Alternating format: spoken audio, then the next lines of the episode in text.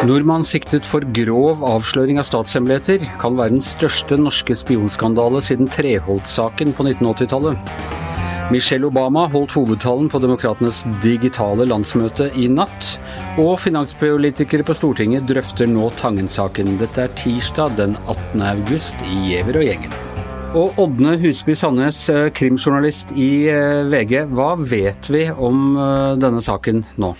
Det vi vet så langt, er jo at uh, denne mannen i 50-årene, som uh, er av indisk opphav og som innvandret uh, til Norge på 90-tallet, han har hatt en rekke ganske sentrale posisjoner i både selskaper og stiftelser og på universiteter, og virker til å ha stor kunnskap om energi og ingeniørkunst innenfor fornybar energi og olje og gass.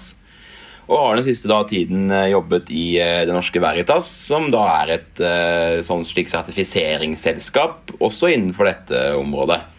Og han skal da ha møtt denne russiske etterretningsoffiseren, som PST kaller han, flere ganger. Og ifølge en fengslingskjennelse fra Oslo tingrett så skal han ha innrømmet at han mottok penger for informasjon. Men samtidig så erkjenner han da ikke straffskyld for denne straffeparagrafen, fordi at han mener at det ikke har vært den informasjonen har ikke vært mulig å kunne skade nasjonale interesser. da. Så, eh, og så har jo da forsvareren hans, eh, Marianne Dari Næss, i etterkant gått ut og sagt at eh, disse, hans forklaring er mer nyansert enn som så, enn at han bare har eh, mottatt disse pengene for informasjon. Så vi får jo se hva slags føljetong det blir eventuelt, og om det, om det, ja, hva han faktisk har forklart, blir jo veldig interessant. For det virker jo som at han samarbeider med sikkerhetstjenesten her. Ja, eh, Denne mannen, sier du. Vi har ikke gått ut med navnet eh, på ham, selv om vi forteller om hans øh, sånn, statsborgerbakgrunn og sånn. Men jeg ser jo at et annet av de store mediene har gått ut med, med fullt navn. Vanligvis pleier vi å være ganske synkrone i, i sånne spørsmål. Hva, hva, skyldes dette? Det skyldes jo rett og slett at vi ikke vet nok om forholdet, da. Altså, Vi vet ikke, selv om han da virker å ha erkjent at han har gitt informasjon, altså hva slags type informasjon er det? og Vi vet jo heller ikke helt sikkert identiteten til denne russiske etterretningsoffiseren. Altså, det er rett og slett fordi at vi ønsker å tilegne oss mer informasjon om saken før vi velger å ta et så drastisk grep som det faktisk er å uh, identifisere noen som er uh, involvert i spionvirksomhet. Ja, og han, Det han altså er siktet for, er grov avsløring av statshemmeligheter. Og det er vel den alvorligste siktelsen siden Arne Treholt ble, ble arrestert på daværende hovedflyplass Fornebu i 1984. Og Det er helt klart, og det er jo store kan jo likheter mellom disse to sakene, må man jo si. Altså Restauranter og rødvin og pizza og uh, altså litt sånn avsidesliggende Jeg tror Treholt var på litt finere restauranter ja, enn pizzarestauranter. Ja. Dette, er jo, dette er jo en fin pizzarestaurant, da, må man si. Ja, jeg har jo sett denne videoen av pågripelsen. Det er jo, det er jo spesielt å se hvordan man uh, velger å trå til på et sånn offentlig sted og med vittner, andre vitner. og jeg vil jo tro at det har sammenheng med at man ønsker at det er et bevis i seg selv. Altså dette at man tar noen offent, et offentlig sted, og at det på en måte man er tatt på fersken. da, At man skal fremstille som noen er tatt på fersken. Uh, og at man uh, Det jo blir jo interessant å se om det også ble overlevert penger på dette møtet. ikke sant, Og om, og, om PST har på et eller annet vis uh, hvor stor kontroll de har hatt på hva de har snakket om på dette møtet. ikke sant? Og om det, er, ja, det blir veldig interessant å se hva slags operasjon det har vært inne på denne restauranten. Om det har vært installert noen form for ja, Det er utrolig interessant å se uh, hva slags informasjon de har. Men altså, han har, ja, Du nevnte at han hadde jobbet for universiteter. men Stort sett har han altså jobbet for private bedrifter? er det sånn? Ja, Han kom til Norge på midten av 90-tallet en gang som ingeniør. og Allerede da så fikk han et en sånn slags forskningsassistentvirksomhet på universitet. Og så har i løpet av årene virker som han har på en måte brukt spesialiteten på forskjellige områder. Eh, også annet, en annen stiftelse eller sånn, sånn annen form for forskningsinstitutt da, som eh, han også har jobbet ved. Men eh, på sosiale medier så har han jo uttrykt stor, altså veldig aktivitet da, innenfor dette området. At han, han deltar i, i på en måte kommentarfelt som retter seg mot dette området, som særlig er da 3D-printing og og, og, solcelleenergi, fornybar energi. Han har jo patentert en løsning innenfor dette og har jo, som jeg kan se, skrevet doktoravhandling. Altså, han, han virker som en det man i tabloide medier ville kalle en ekspert da, på området. Så, så, teoretisk sett så er dette en mann som besitter helt spesiell type kunnskap som han selv har tilegnet seg, og sånne ting. Så han, han kunne godt liksom ha hva skal vi si, solgt sine egne ideer og sånne ting. Det må ikke ha vært uh, statshemmeligheter det han har mottatt penger for? Nei, det, det, det, kan jo absolutt være. Det som er konsekvensene for PST eller for Norge hvis man går ut og tar feil her, er jo ganske enorme. Da. Så jeg tenker jo at det ligger ganske velbegrunnet noe velbegrunnet bak dette. Altså, vi har jo hatt saker eh, hvor russ, altså denne, denne, mannen som er tatt på Stortinget, virket jo litt sånn på slumpen. at man... Han som tok bilde av printer og sånn? Ja, han som oppførte seg litt sånn mistenkelig der inne, og som viste seg at det ikke var noen ting. Eh, dette her virker som en litt mer vel, velplanlagt aksjon hvor man har holdt øh, nøye holdt øye med disse personene over lengre tid, da, og at man nok har en formening om at det er Eh, informasjon av eh, svært eh, ja, alvorlig, alvorlig ja, en, informasjon som kan virkelig skade norske interesser. vil jeg tro, Særlig med tanke på at det er den grove bestemmelsen som brukes. Nå må det også sies om Treholt at det er jo mange som hevder fremdeles at det aldri ble bevist eller dokumentert at han overleverte statshemmeligheter, selv om disse møtene hans med, med KGB-offiserer var åpenbart uh, mistenkelige. Det er jo ofte vanskelig å bevise ting uh, i denne typen saker. Det er også vanskelig å si altså For hele den der utvekslingen av etterretning og informasjon er, uh, det er liksom ikke sånn Det er ikke alltid det bare er tegninger av forsvarsanlegg og sånn man, man overleverer. Nei, og så har man jo også dette problematikken som vi skriver om nå i dag. altså dette med at Vi har jo fått opplyst og bekreftet at denne russeren er jo en diplomat. Så han nyter jo diplomatisk immunitet. ikke sant? Så I utgangspunktet så kan jo han traske som en fri mann av gårde ut av uh, Villa Paradiso Sagene ikke sant? uten at politiet har uh, fått uh, gjøre noen videre undersøkelser rettet mot han. Altså, han jo... De, de ransaka mappen hans eller veska hans, så vidt jeg har skjønt det. Er det brudd på diplomatisk kutyme, eller? Ja, det er, litt, det er litt uklart det der hva de gjør. Altså, vi prøver å finne ut av litt hva de egentlig gjorde der et vitne sa jo til VG at det var det de gjorde, men eh, sånn som jeg har forstått reglene, og vi har også vært i kontakt med noen eksperter, så forstår vi det jo sånn at uh, selvfølgelig at også ransaking er en del av straffeforfølgningen, og dermed så vil man ikke kunne eh, ransake en uh, diplomatisk ansatt, men eh, vi må nesten finne ut av hva som faktisk skjedde der på stedet rett og slett. Og det kan jo godt være at den eh, bagen som dette vitnet viser til, og disse tingene er, kan bli veldig viktige beviser. Da, og at disse eh, PST-agentene har vært vitne til eh, et eller annet spesielt som lå oppi der. Det blir spennende å se fortsettelsen. Det, hvis du følger vanlig prosedyre, så utviser vi nå denne russeren og en del andre russere fra ambassaden, og så utviser de noen fra oss, og så fortsetter denne hva skal man si, balansen i diplomatisk forargelse på, på hver sin side av grensen. Ja, det er på en måte, nå vi, står vi 1-1 da, med en slags sånn Frode Berg over der, og så har vi tatt en mann her, så nå er det vel nå er jo på en måte æren til norske myndigheter reddet på et vis, kanskje? Eh, vi vet jo med Treholt-saken, den starta da i januar 1984. Vi er ikke helt ferdig med den ennå, så du må komme her og fortelle oss mer om dette seinere, Ådne. Takk, takk. Og da skal vi utenriks, for uh, i natt så åpnet altså Demokratene sitt helt spesielle uh, landsmøte i Wisconsin, men, men, like mye hvor som helst, må vi kunne si, Per Olav, i og med at uh, det foregikk digitalt? Ja, dette er helt uvanlig. Jeg har aldri sett noe lignende. Både du og jeg har vært på landsmøter før for Demokratene og Republikanerne, men dette er I år er det et helt unntaksår politisk. En veldig sånn digital sending, komprimert program. Jeg jeg vet ikke hva som fungerer best. Det var morsomt å være til stede på sånne landsmøter tidligere, eh, for oss som hadde mulighet til det.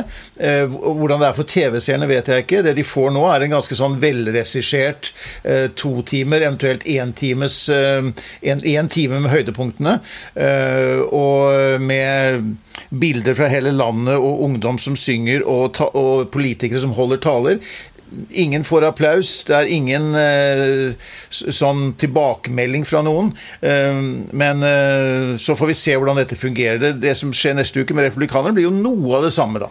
Men jeg må altså si, jeg gikk jo inn da, jeg var ikke oppe som deg og så det i natt, men jeg gikk inn og så i morges talen til Michelle Obama, som liksom var den store begivenheten. Og da sitter hun jo liksom hjemme i kjellerstua, og jeg vil ikke si at hun er direkte usminka, men det er liksom det er ikke den der glamouren som du, du har på eh, landsmøtet vanligvis. Og det er noe veldig sånn jeg vet ikke om de liksom skal signalisere vi tar dette på alvor, så vi sitter litt sånn uflidde hjemme istedenfor å pynte oss og henge opp. Du kunne jo hengt opp det amerikanske flagget i bakgrunnen eller et eller annet sånt, kunne de ikke det? Jo, eh, det kan du si. Eh, Bernie Sanders hadde jo sånn vedstabel bak seg, så det var veldig sånn rustikk eh, var liksom satt på hytta på en måte, stilen. Ja, Vermont. Virkelig Vermont-følelse. Ja, ja, ja. Nei, det kan du si. Og det med, og det med Michelle Obama var jo også innspilt en god stund i forveien. Det var altså han, Hun nevnte ikke da eh, visepresidenten Harris, eh, fordi det var rett og slett ikke noe hun hadde kunnskap om den gang, når det ble spilt inn. Så det er en stund siden. Eh, noen av de andre innslagene er direkte, men noe, en god del er også spilt inn i forkant. Det blir jo en litt sånn spesiell atmosfære. Når, det er sagt, så må jeg jo si at jeg syns Michelle Obama hadde en meget sterk, direkte, følelsesladet og skarpt oppgjør da, med den sittende president. Uh, egentlig tøffere enn noe av hennes mann. Uh, Barack Obama har, han har vært mer sånn indirekte i sin kritikk av Trump.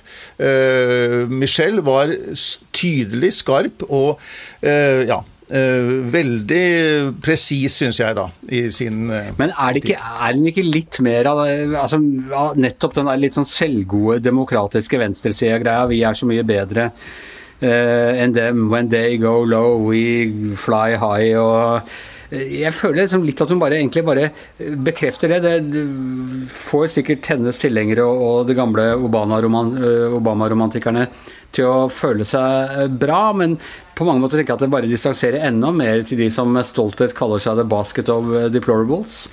Ja, det, det, tror jeg kanskje du har helt rett i, men jeg tror jo denne talen var også rettet mot kjernevelgerne. Hun, snakker, altså hun, er, spes, hun er, jo spesielt populær eh, blant kvinner, og hun er spesielt populær i minoriteter, de svarte, også de spansktalende, tror jeg. Eh, og jeg tror det er det som er svært viktig for demokratene nå, for henne, å få mobilisert de, sørge for at de faktisk går ut og stemmer denne gangen, og ikke blir sittende hjemme, som altfor mange av dem gjorde for fire år siden. Eh, så jeg tror ikke hun vinner over noen republikanere med dette, eller i hvert fall eh, kanskje noen uavhengige, men ikke, eh, ikke av de som eh, regnes blant Trump-tilhengere. Det er jo ni av ti republikanske velgere sier det. Jeg så at disse The Lincoln Project, som er disse misfornøyde republikanerne, som jo driver og lager veldig, veldig må man si, harde anti-Trump-videoer og nå skal støtte Biden og i det hele tatt, de hadde lagt ut en sånn meme hvor det sto We go low, so you don't have to. og det er jo litt den funksjonen de har. Altså de, de eh, Demokratene kan rå på seg å være litt sånn eh, uh, høystemte og selvhøytidelige på hvor flinke og gode de er, fordi The Lincoln Project tar seg av den dirty kampanjen. Samtidig så må jeg si at det hun sa om Trump, det var jo ikke å gå veldig high. Det er jo jo, hun kalte ham jo uh, usympatiske ting. Det må man jo kunne si. Ja, hun uh, sa at Hun, hun uh, forklarte jo hvordan den forrige regjeringen under Barack Obamas tid og Joe Biden som visepresident, og hun bodde i Det hvite hus, da var det velstand og lykke i landet. Og nå var det kaos og splittelse og et lederskap fullstendig, med en fullstendig mangel på empati. Og så, så, det var et, ska, et veldig skarpt bilde hun trakk mellom dette. Jeg, og jeg tror hun liksom får fram noe av kanskje en, en god del eh, demokrater og en del andre føler jo en viss kanskje nostalgi for det som var, eh, og det er det hun prøver å gjenskape. Hva, Hanne, har du sett henne? Jeg, vet at jeg har eh, holdt på med helt andre ting. Jeg har bare fått referert overskriftene rundt det. Eh, jeg syns jo Michelle Obama i utgangspunktet er en veldig kul dame, så jeg kommer nok til å sette meg ned ettermiddag og se på det. Du bør, bør eh, definitivt gå inn, og, gå inn, og, se den. Ellers så holdt jo han John Kasich, tidligere republikansk guvernør i Ohio, holdt jo tale. Han er vel den høyeste profilen, og det sier kanskje sitt, blant republikanerne, som, bortsett fra Mitt Romney, som går ut mot Trump, Per Olav?